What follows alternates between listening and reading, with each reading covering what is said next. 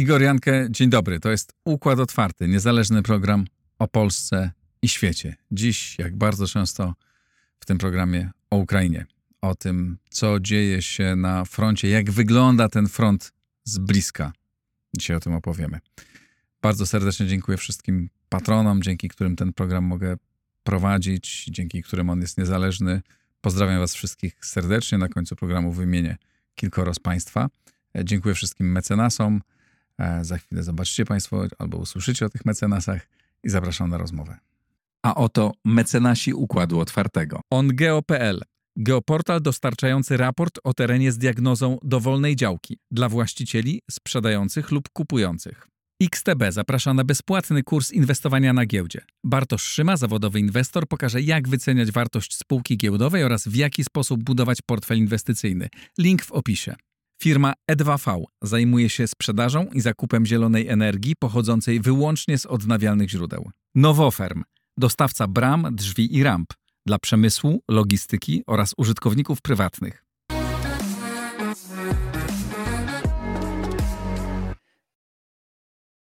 Damian Duda, ratownik pola walki, dzisiaj w Warszawie w studiu. Witaj. Kiedy przyjechałeś do Polski? E, od e, paru dni, można powiedzieć mhm. kilkudziesięciu godzin jestem w Polsce. Mm, zrotowaliśmy się, mm, łapiemy oddech, e, troszkę się reorganizujemy. Część z Państwa, czy większość z Państwa pewnie słyszało bądź widziało opowieści Damiana w moim programie i w innych, kiedy był na froncie. Dla tych z Państwa, którzy nie wiedzą, Damian właściwie od początku, prawie od początku wojny, tak? Jest, przez prawie cały czas byłeś na, na linii frontu. Tak, znaczy generalnie od 2014 roku, mm, od początku tej pełnoskalowej inwazji, e, praktycznie cały czas z krótkimi przerwami w kraju na ogarnięcie własnego życia zawodowego, bo my to wykonujemy e, wolontarystycznie, nie pobieramy za to pieniążków. Zebranie sprzętu, reorganizacja, powrót na front i można powiedzieć, że no nie było jakiejś większej e, operacji, fazy tego konfliktu, w której byśmy nie uczestniczyli. Ostatni raz, e, kiedy rozmawialiśmy, pamiętam, byłeś w Bachmucie. Była taka dosyć dramatyczna rozmowa, bo słychać było ostrzały za, e, dosłownie tuż, tuż obok. E, jak teraz wygląda linia frontu? Jak wygląda ta kontrofensywa twoimi oczami? Co ty widziałeś i jakby czym, się, czym to się różni od, od tego, co było do tej pory? Wiesz co, my teraz pracowaliśmy na dwóch odcinkach, na odcinku zaporowskim, później na odcinku bachmuckim. Ja myślałem, że po Bachmucie nic mnie nie zaskoczy. Ja myślałem, że jedziemy odpocząć teraz, um, wierząc w to, że ta kontrofensywa rozpędzi się, że ta kontrofensywa jest na tyle dobrze przygotowana um, i na tyle dobrze naoliwiona, mm, że ta maszyna będzie przedzierała się przez Rosjan i będzie szła do przodu. E, niestety okazało się, że tak jak było zresztą w przypadku pozostałych rotacji, że poziom emocji, dramatyzmu i, i pracy e, był większy od tych poprzednich. Znaczy, no, nasze warunki pracy trochę się różniły, bo w tym przypadku już nie um, biegaliśmy od piwnic do, do piwnic, um, tak jak to było w Bachmucie. Mm, pracowaliśmy w polu. Um, ale mm, dostrzegliśmy tam na miejscu, jak mocno różni się oczekiwany obraz bądź obraz podawany przez propagandę w kontekście um, tej kontrofensywy e, do tego, co tam rzeczywiście na miejscu się e, dzieje. Do tej kontrofensywy, która była od samego początku bardzo pompowana. E, ona była bardzo lukrowana, ona była bardzo, można powiedzieć, idealizowana, zapominając o dwóch rzeczach. Po pierwsze, kto atakuje ma gorzej od tych broniących się, a po drugie, na końcu tego wszystkiego jest człowiek który będzie musiał zapłacić najwyższą cenę, bardzo często e, śmierć, w, w, lepszym wypadku e, zranieniem, e, kalectwem, za to, by te postępy faktycznie miały miejsce, bo to nie jest tak, że Rosjanie usłyszeli o kontrofensywie i oni nagle postanowili cofać się i oddawać kawałek ziemi po kawałku. No, oni się przygotowali do tego bardzo dobrze, oni z tego, byli... co słyszę, tak, i no wszyscy, znaczy zaskoczeni, no niby wiedzieliśmy, ale chyba skala tego przygotowania wszystkich trochę zaskoczyła skala zaminowania terenu, tak? Te, Oni czy te byli- miny rzeczywiście z bliska, to widać, że to jest tak bardzo duży problem? Oni byli świetnie przygotowani. Kiedy my jechaliśmy na Zaporoże do jednego z nowo formowanych pułków, specjalnych, podlegających bezpośrednio pod em, sztab generalny, em, to dwa dni wcześniej e, rozmawiałem z moim kolegą, który mówił, żebyśmy przyjechali, dlatego że oni drugi raz próbowali szturmować ten sam kierunek. E, szturmy będą się powtarzały e, i oni wiedzą, że za chwilę mm, ofiar będzie zdecydowanie więcej niż jest teraz. E, wyjechaliśmy, okazało się, że nie dojechaliśmy. Mm, Zginął w kolejnym szturmie e, i to wyglądało w ten sposób, że mm, kiedy oni szturmowali, kiedy Ukraińcy szturmowali, Rosjanie wyszli im na plecach. Oni na odcinku zaporowskim mają pokopane, mm, przygotowane mm, okopy półtorej metra przynajmniej, więc spokojnie mogą prowadzić ogień w pozycji stojącej. Mm, Mają wylane betonem e, schrony wśród e, tych okopów, które tam są, czyli to nie jest prowizorka, oni mieli czas, żeby się przygotować. E, I mój, mój kolega zginął w ten sposób, że kiedy oni poszli do szturmu, Rosjanie wyszli z tuneli, których nie było widać, zamaskowanych tuneli i zaczęli walić po nich z flanki. Em, dwie osoby zginęły podczas tej akcji. Em, później kolejne, kolejne szturmy, e, kolejne, kolejne ofiary mm, i mm, przede wszystkim miny. Potężna ilość min, bardzo duża ilość min. My bardzo często wyjeżdżaliśmy do osób, e, które mm, doznały urazu na skutek e, min. I tam na Zaporożu pracowaliśmy na mm, e, transporterze opancerzonym. Wyjeżdżaliśmy na pierwszą linię, braliśmy poszkodowanych i uciekaliśmy z nimi w miejsce względnie bezpieczne, gdzie czekały karetki pogotowia. Naszym zadaniem mm, było wziąć poszkodowanego z e, wyznaczonego punktu ewakuacji.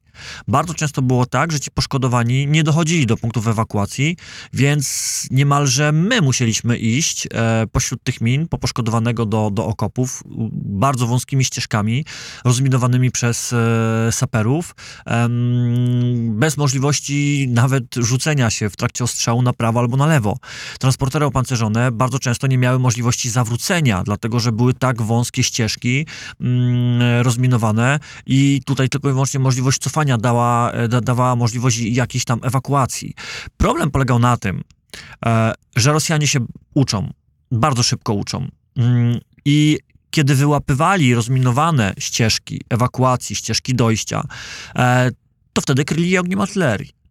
E, Te ścieżki były wtedy spalone, były przestrzeliwane, trzeba było mm, tworzyć e, nowe podejścia, nowe drogi e, rozminowane do tych konkretnych kierunków, co generowało kolejne straty, bo kolejni ludzie musieli tam pójść, rozminować. e, Jak Sprzęt, wygląda takie rozminowanie?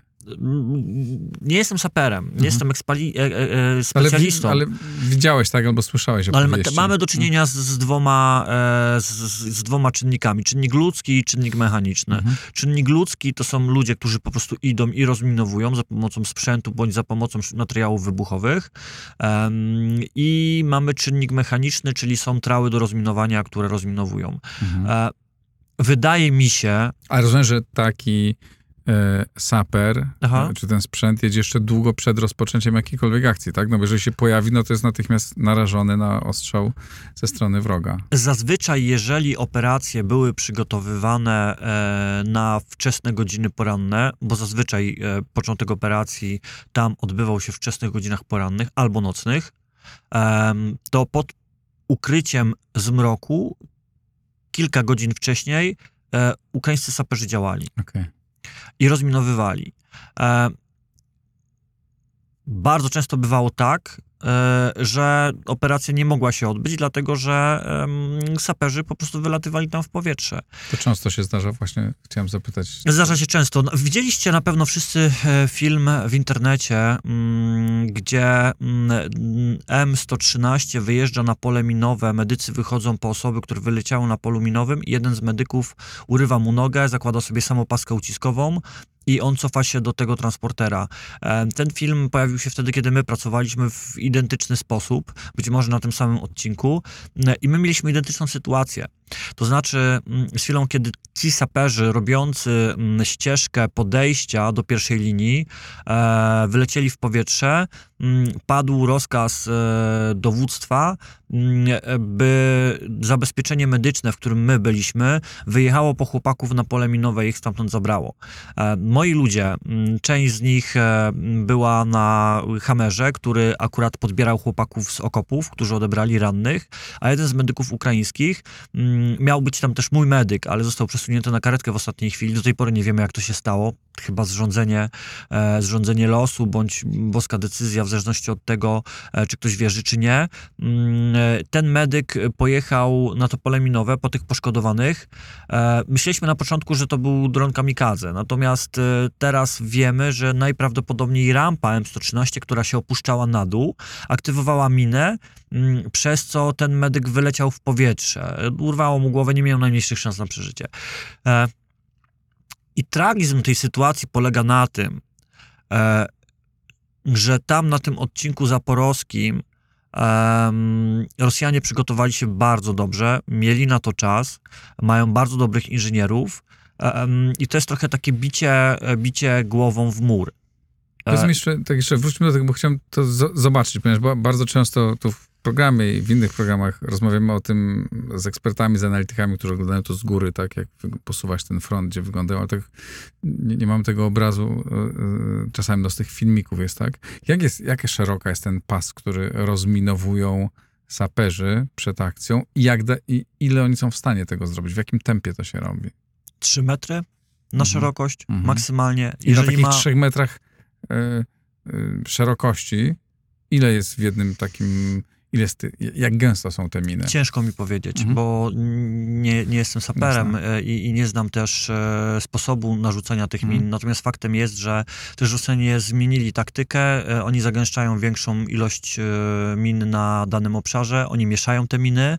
E, Bardzo często mm, jedna mina współpracuje z drugą miną tak, żeby dawało to e, zjawisko nieusuwalności min. To te znaczy, że miny- co, że jak się jedną Miny dezak... przeciwpiechotne są na zmianę montowane z minami e, przeciwpancernymi. E, bardzo często się to e, spotyka. Poza tym Rosjanie też nauczyli się mm, minować drogi dojścia.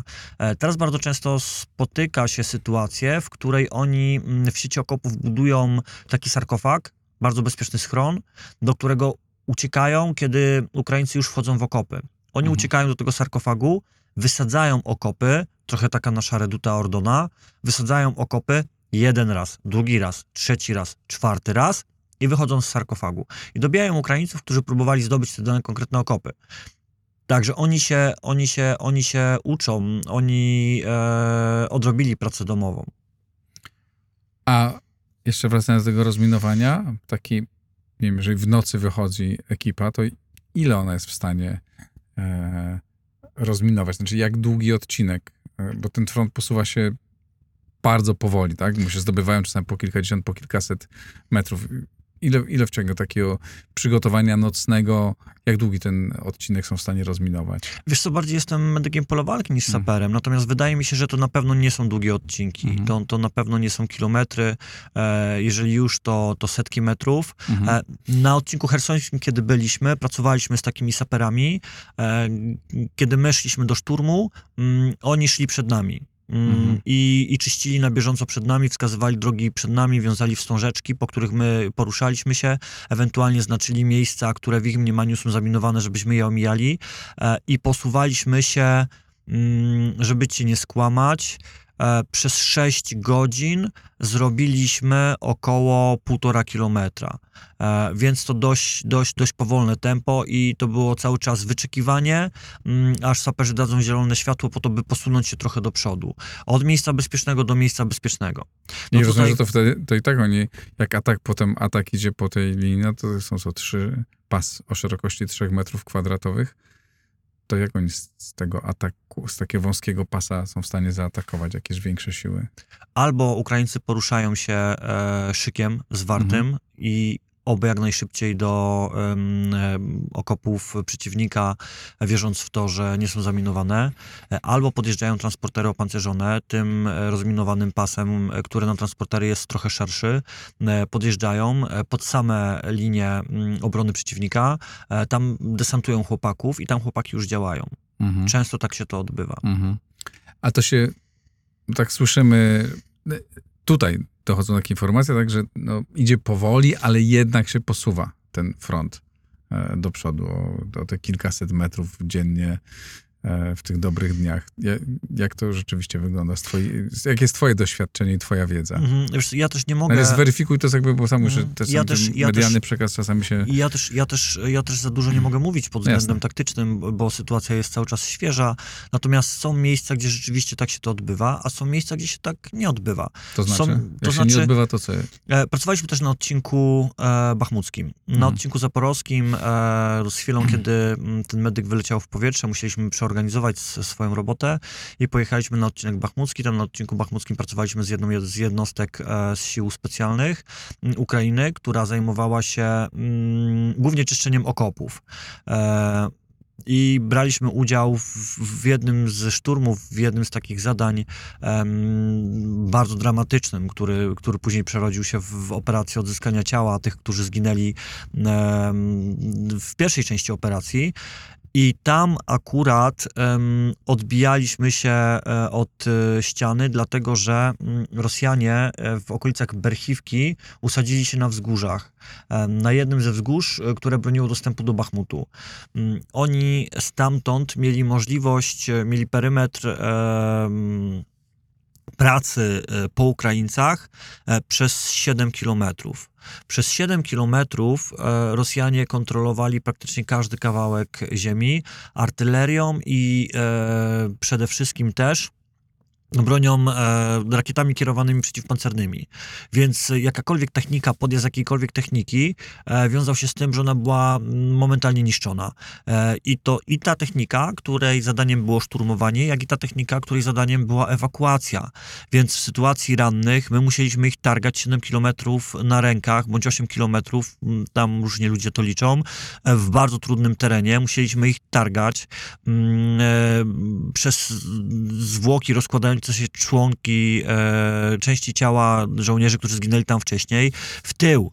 Mm, I, I tam akurat e, ten front stoi, a jeżeli już posuwa się do przodu, e, to posuwa się do przodu o zdobyte dwie, trzy jamy, czyli tam kilkadziesiąt metrów, nie, nie tam te kilkaset. E, Więc na różnych odcinkach sytuacja wygląda różnie. Czy te straty Ukraińców są wyższe niż były wcześniej? Teraz? Nie powiem nic e, tajnego w tym momencie. Em, wręcz nawiążę do czystej logiki. Atakujący z reguły ma gorzej niż broniący Mhm. się. I w ataku z reguły te straty są większe niż w obronie, e, ponieważ jest to aktywna, e, aktywniejsza faza działań wojsk ukraińskich niż to, co obserwowaliśmy wcześniej. To naturalną koleją rzeczy te straty są wyższe. Mhm. A po stronie rosyjskiej? Jak to wygląda? Jakieś masz wyobrażenie proporcji? Wydaje mi się, że one są mniejsze. Mhm. E, natomiast no, to jest naturalna cena za zdobycie em, pozycji bronionych, dobrze przygotowanych, dobrze umocnionych. Mhm. No tak, że em, Rosjanie dzisiaj są dużo, dużo się nauczyli, są bardzo dobrze przygotowani, tak? Znaczy nie mówisz już tak, jak mówiło się o nich, nie wiem, rok, półtora temu, że to przy, poza, poza jakimiś tam grup, grupami to bardzo często nie, nie, nie do walki ludzie. Tu rozumiem, nie mamy z czymś takim do, do czynienia. Słuchaj, e, wśród jeńców i wśród e, tych, którzy zostali wzięci do niewoli przez e, oddziały, z którymi my pracowaliśmy, em, wiemy, że to już nie są przypadkowi ludzie. Że bardzo rzadko e, są to mobilizowani, niedoświadczeni żołnierze.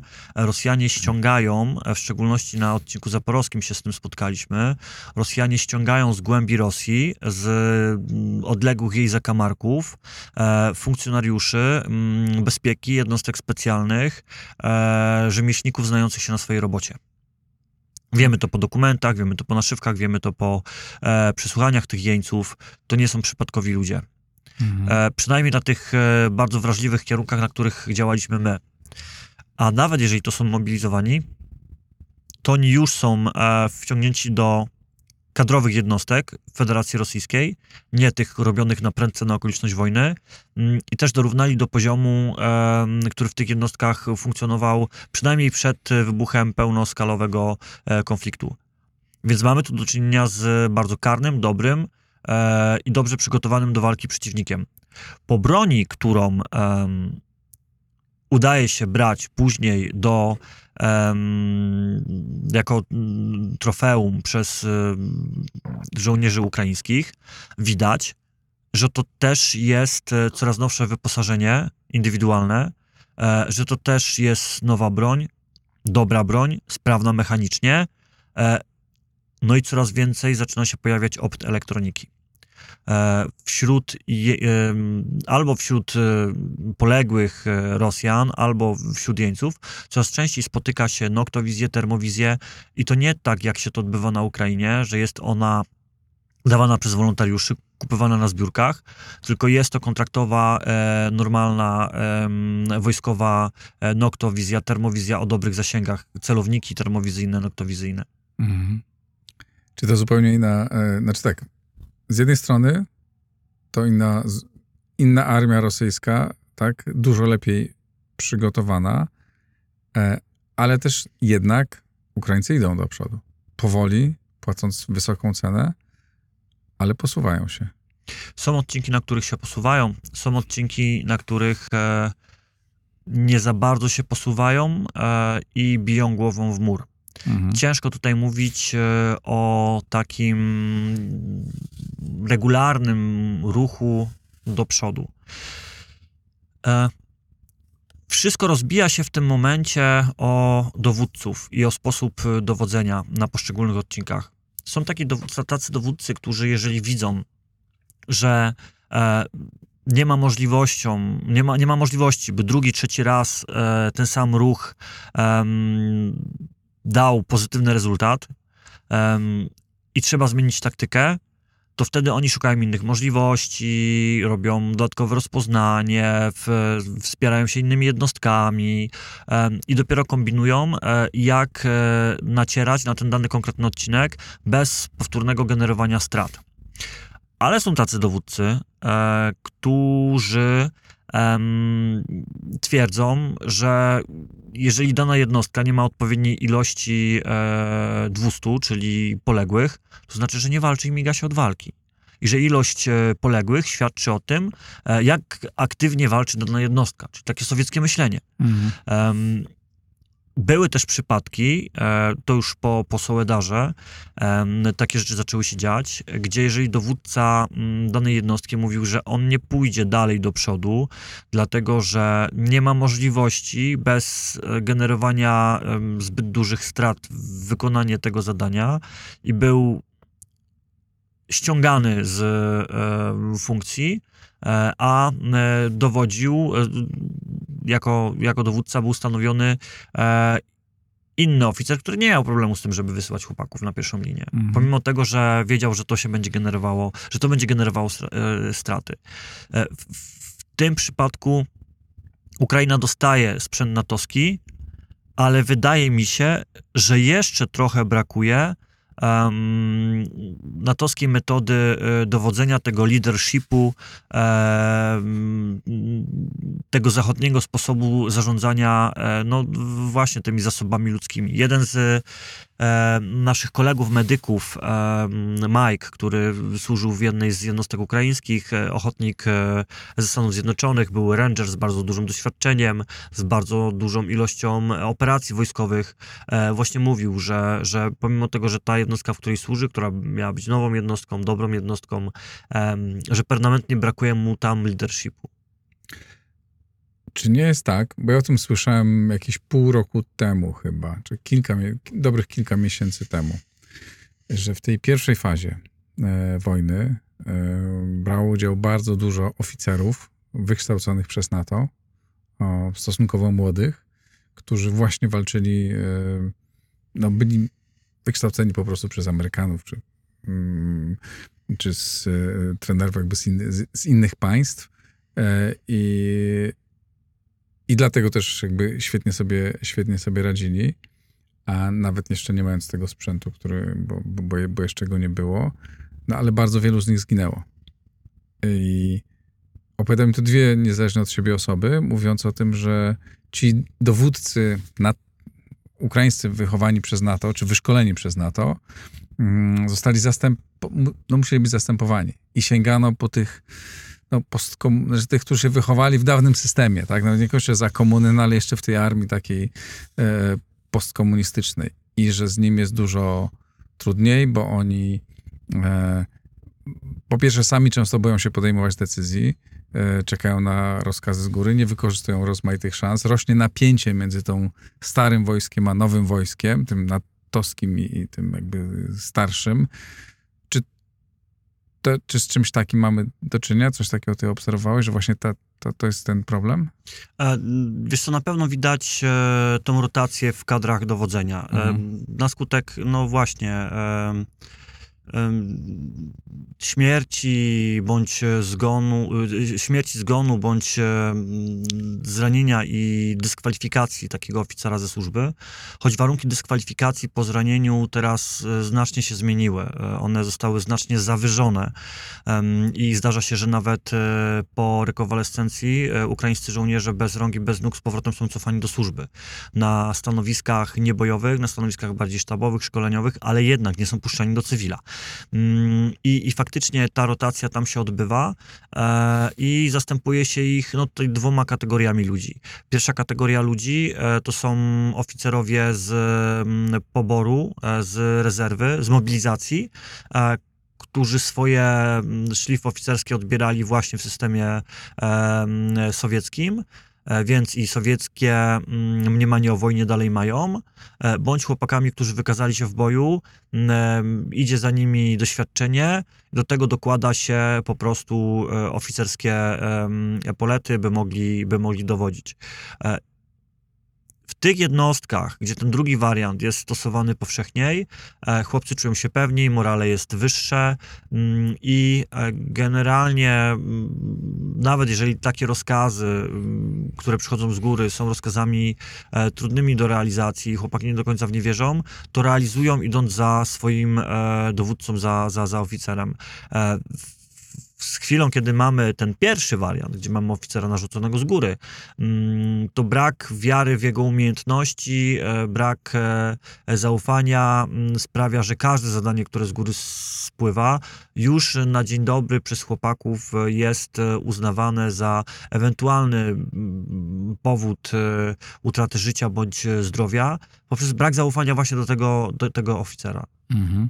I jakby których przypadków jest dzisiaj więcej? Ciężko powiedzieć. Wydaje mi się, że w tych jednostkach, w których my pracowaliśmy, ale my pracowaliśmy w jednostkach o bardzo dużym natężeniu ochotników, stosuje się raczej ten drugi wariant. Mhm. To znaczy w jednostkach, e, gdzie mieliśmy dużą ilość ochotników, bądź gdzie na początku zgłosiła się duża ilość ochotników, wiadomo, teraz dorzuca się do nich mobilizowanych, dlatego że ilość chętnych do walki e, z, z własnej przymuszonej woli na Ukrainie spada.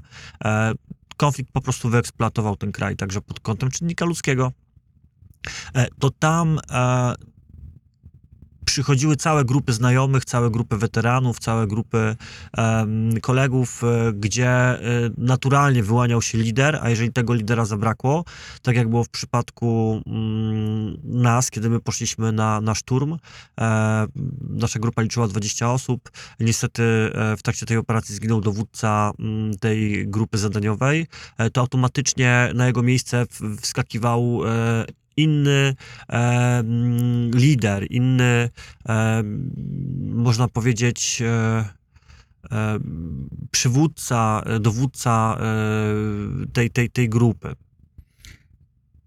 Jak jest morale dzisiaj? Czy ono jest, jakbyś jesteś od dawna tam, tak? Porównujesz e, w czasie, czy ono jest cały czas takie same, cały czas jest tak duża determinacja i wiara w to, że że wygramy?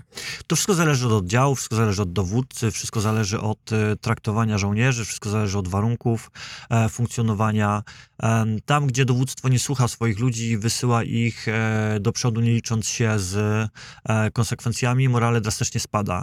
E, I tacy żołnierze mm, automatycznie szukają dwóch wariantów. Pierwszy wariant, ucieczka ze służby.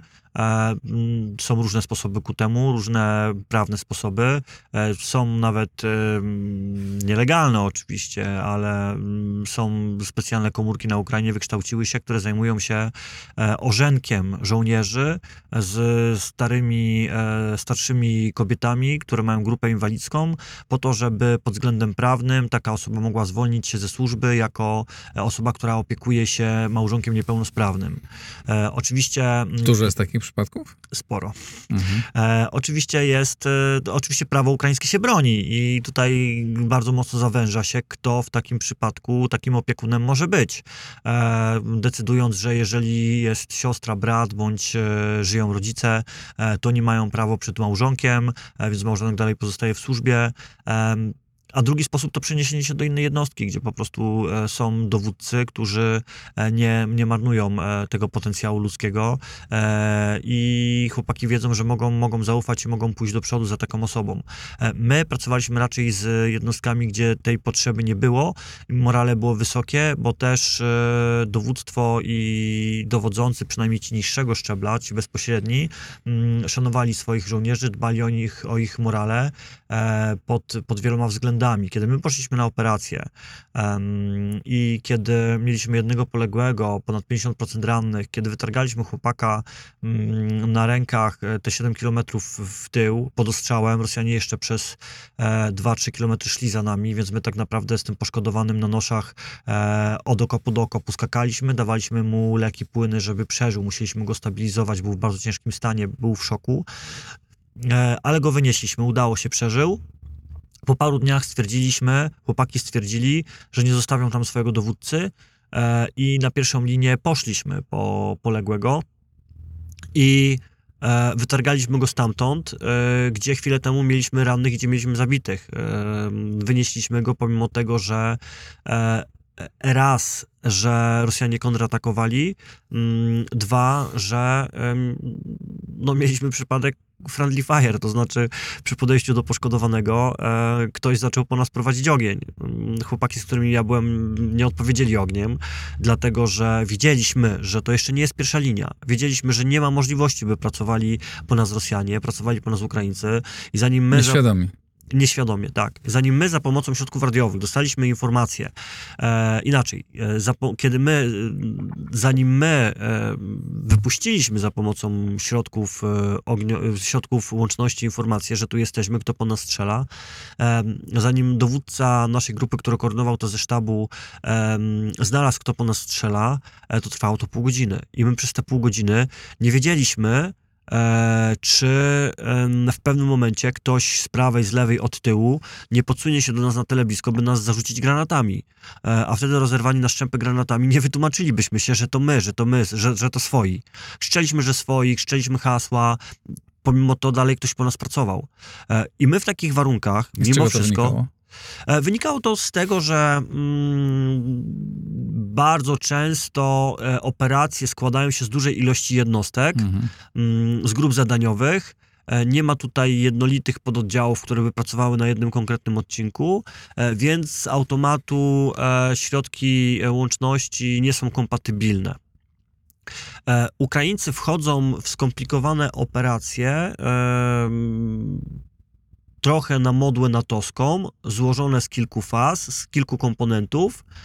E, tylko problem polega na tym, że nie mają tego przećwiczonego, e, nie mają tego mm, procedurami e, jakoś zakorzenionego i kiedy jeden element wypada, to wtedy wszystko sypie się jak domek z kart.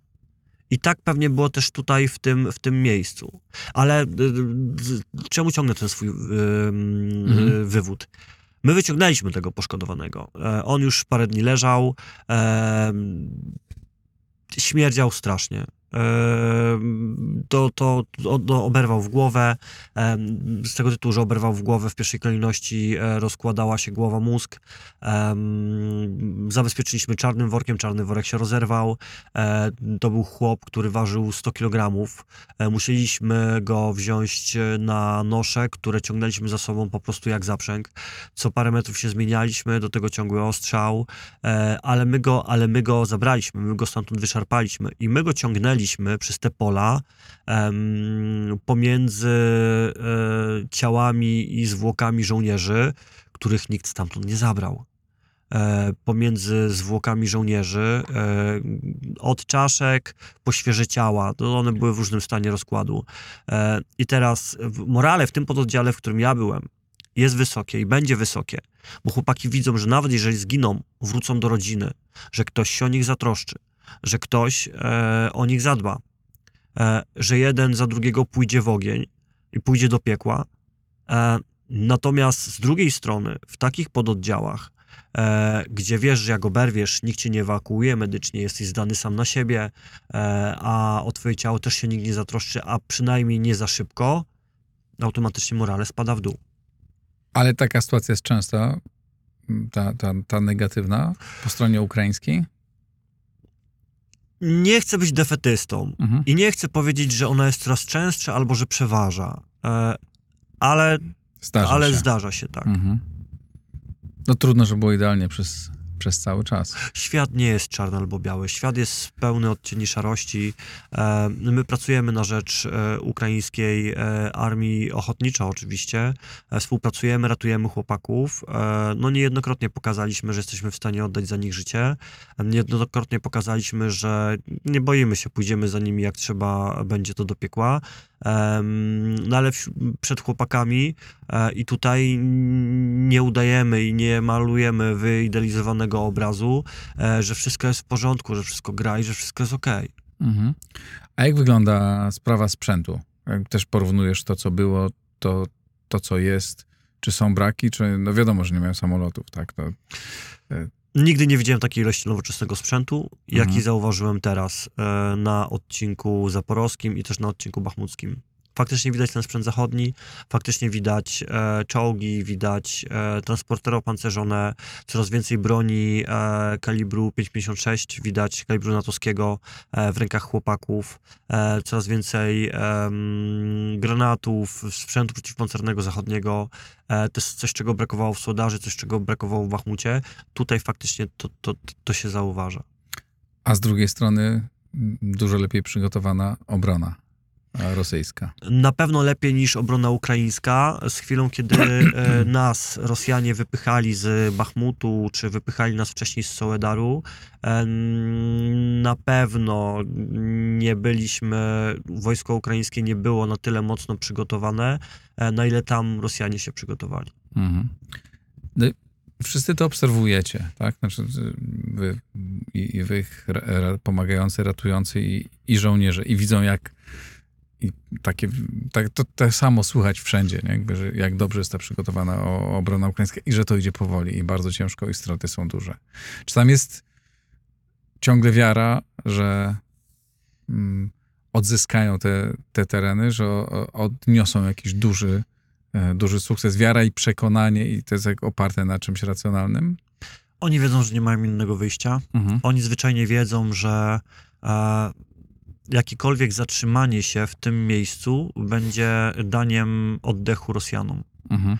E, niektórzy mówią teraz bardzo często, jak e, tutaj przyjechałem e, te kilkanaście godzin temu do kraju, niektórzy mówią, że no, Ukraińcy muszą siąść do rozmów. Amerykanie napierają, zmuszą Ukraińców do rozmów. Każdy po stronie ukraińskiej, kto będzie nawoływał do rozmów z Rosjanami, przez ludzi zostanie nabity na pal, po prostu. Mhm. Zostanie na Majdanie e, powieszony na latarni. Przy tej ilości mm, zła, przy tej ilości strachu, przy tej ilości zbrodni, przy tej ilości e, cierpienia, jaki doznał naród ukraiński, zdecydowana większość nie będzie chciała rozmawiać. Nawet za cenę dalszych ofiar. A jeszcze chodzi o sam front i zaplecze jego, to zaplecze szpitalne, e, to z którego mm, jak wy jesteście wspierani, jak to wygląda? Czy to wygląda lepiej, gorzej? tak jak trzeba. Znaczy tak trzeba, nic nie jest na wojnie tak jak trzeba, tak? Ale Organizacja służby medycznej e, na Ukrainie w strefie frontowej wygląda mniej na, następująco. W każdym pododdziale powinien być e, bojowy medyk. Gość z plecakiem medycznym, który daje pierwszą pomoc na polu walki. Tu jest różnie. Mm, Ci medycy bardzo często giną, są ranni, trzeba ich zastąpić następnymi i oni bardzo często są po szybkich kursach, które nie do końca dają wiedzę i umiejętności. E, Bardzo często chłopaki stosują, bądź dziewczyny, bo też są kobiety, e, półśrodki i nie do końca robią swoją robotę dobrze, mm, ale mimo wszystko po pewnym czasie działania i po złapaniu doświadczenia e, są w stanie przynajmniej tych trzech głównych killerów e, pola walki, czyli masywne krwotoki, dysfunkcja układu oddechowego, em, brak, brak e, oddechu, e, są w stanie e, ogarnąć tak, by poszkodowany został e, ewakuowany z, z tej strefy niebezpiecznej. Ewakuacja odbywa się za pomocą kasywaków, czyli improwizowanych środków ewakuacji medycznej. Tam też e, są medycy pola walki, e, czyli albo transporterami opancerzonymi, dedykowanymi bądź niededykowanymi, albo po prostu samochodem, pick-upem, wszystkim, co jest w stanie wywieźć chłopaka e, z, z, z pola walki. Dalej zaczynają się medewaki, czyli e, karetki pogotowia już dedykowane, które w miejscu względnie bezpiecznym odbierają poszkodowanych i wywożą albo do szpitali, albo do punktów stabilizacyjnych. Najczęściej są to punkty stabilizacyjne, takie można powiedzieć, e, tak jak u nas w Afganistanie to były trauma roomy, em, to tutaj mamy punkty stabilizacyjne, e, które bardzo dobrze funkcjonują. Mm, Te punkty stabilizacyjne, w e, których my byliśmy i w których my funkcjonowaliśmy, są bardzo dobrze obsadzone chirurgami, anestezjologami, e, lekarzami wszelkich specjalizacji, e, są e, pielęgniarki anestezjologiczne, instrumentariuszki. E, no to wszystko działa jak dobrze naoliwiona maszyna. Mm, Tam nawet dokonuje się e, na miejscu już e, zabiegów operacji. Sprzęt e, medyczny do diagnostyki e, raczej jest, raczej wszystko dobrze to funkcjonuje i taka osoba ustabilizowana, taka osoba ogarnięta e, jest wysyłana za pomocą e, medewaków, e, karetek pogotowia już do szpitali na konkretne kierunki, w zależności od tego, w jakim stanie taka osoba jest, jakiej pomocy jej potrzeba, do takiego szpitala jest wysyłana. Naszym zadaniem jest wytargać osobę ze strefy niebezpiecznej, ustabilizować ją do mm, chwili, aż zostanie wywieziona mm, e, kasywakiem bądź medewakiem e, i przekazana dalej e, personelowi medycznemu. Jak to dalej może wyglądać? Jak oni sobie wyobrażają, jak ty, widząc to, co się, co się dzieje? Czy jest, gdzie jest nadzieja na jakiś przełom?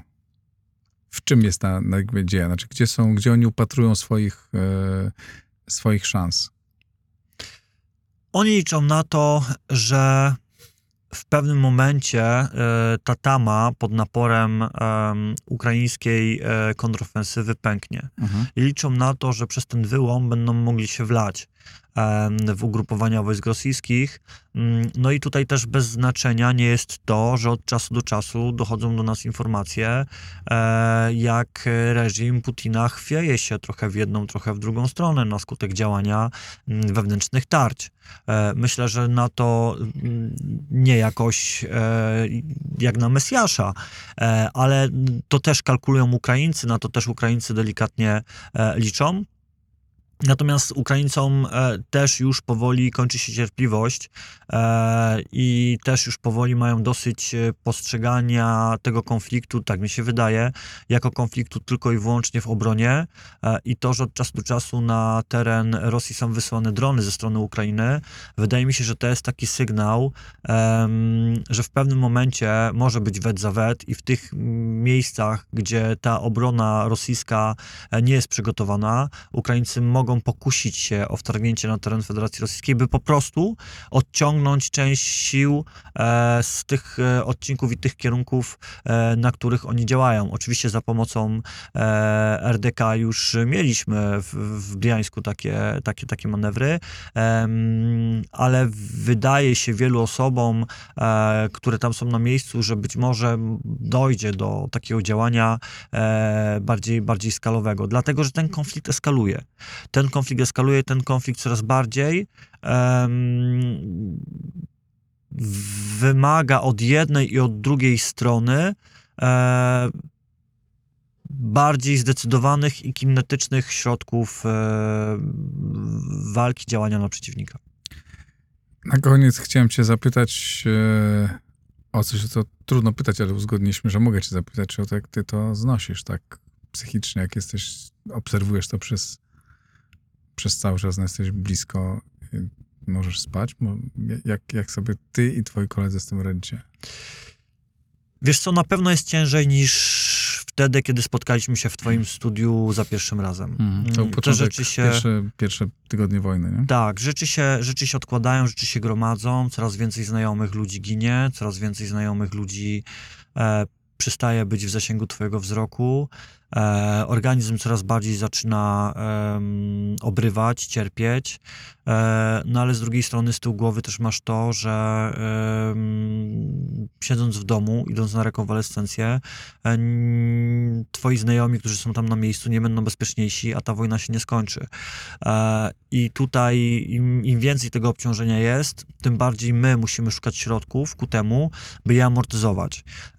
W fundacji w międzyczasie, którą założyliśmy, mamy swoich psychologów, mamy osoby, które dbają o to, żeby po powrocie e, kompensować te rzeczy, które w nas się odkładają i będą odkładały. My nie jesteśmy e, robotami, nie jesteśmy, nie jesteśmy e, ludźmi, którzy są całkowicie nieczuli na to, co się dzieje. E, Po, po jednej z akcji, e, gdzie mieliśmy dużą ilość roboty, e, gdzie już e, sytuacja mm, na to pozwoliła, po prostu zdjąłem hełm z głowy, e, oparłem się o drzewo i, i płakałem. Musiałem dać e, siłę, si, musiałem dać możliwość moim emocjom, e, by, by uszły, bo w przeciwnym razie e, po prostu byśmy zwariowali, byśmy nie wytrzymali. I są takie chwile, gdy, gdy, gdzie możemy sobie na to pozwolić, są takie chwile, gdzie musimy sobie na to pozwolić, by po prostu wytrzymać. No, nikt nie urodził się e, po to, e, by brodzić w ludzkich szczątkach, mając e, z tyłu głowy, że nie może się posypać, bo za chwilę do tych szczątek dojdzie ciało poszkodowanego, który na ciebie w tym momencie liczy. Masz chłopaka, e, który widzisz, że jest blisko śmierci, dlatego że wpada w wstrząs, jest blady, trzęsie nim. E, do tego chłopak mówi, chłopaki zostawcie mnie, idźcie sami e, z, z rezygnacji. I to nie jest tak, że to na ciebie nie wpływa. To nie jest tak, e, że emocje tobą nie targają, ale wiesz, że jeżeli ich nie zblokujesz, to za chwilę on faktycznie tam zostanie. E, No i są takie chwile, gdzie faktycznie budujemy wokół siebie skorupę, e, faktycznie staramy się mieć te emocje na, na wodzy, e, ale później musimy się z nich, że tak powiem, rozliczyć, oczyścić, je zrzucić, by móc dalej funkcjonować. Dajesz sobie dobrze radę z tym. Na ile? Na razie myślę, że jest ok. Nie wiem, czy nie Możesz spać? przyjdzie. Na razie tak. Nie wiem, czy nie przyjdzie taki dzień, w którym e, stwierdzę, że. mm, No, że definitywnie koniec. E, przynajmniej na chwilę obecną, że w trosce o własną psychikę e, muszę zwolnić i, i pomagać bardziej z dystansu. E, Na chwilę obecną jeszcze czuję się na siłach, by, by dalej pracować e, i dalej wracać na Ukrainę. Oczywiście widzę, że już nasze ręce to za mało, moje ręce to za mało. Skupiam się na tym, żeby szkolić nowych medyków pola walki, skupiamy się na tym, żeby wysyłać nowe ekipy e, na Ukrainę. Natomiast sami też jeszcze będziemy się angażować i, i będziemy tam pracować. Bardzo Ci dziękuję i za to, co robisz i, i za tą opowieść. Dzięki serdeczne. Dziękuję. Dzięki Damian. Damian Duda, ratownik pola walki. To wszystko dzisiaj. E, Dziękuję. Obiecałem wymienię jeszcze kilkoro patronów. Karolina Sanicka, Adam Śmiałek, Piotr Majcher, Marcin Dąbrowski, Mariusz Jachol. Serde, serdecznie Wam dziękuję, ale wspierajcie też działania Fundacji e, Damiana mm, i, i żołnierzy ukraińskich. Dziękuję bardzo. To wszystko na dzisiaj. Do zobaczenia, do usłyszenia.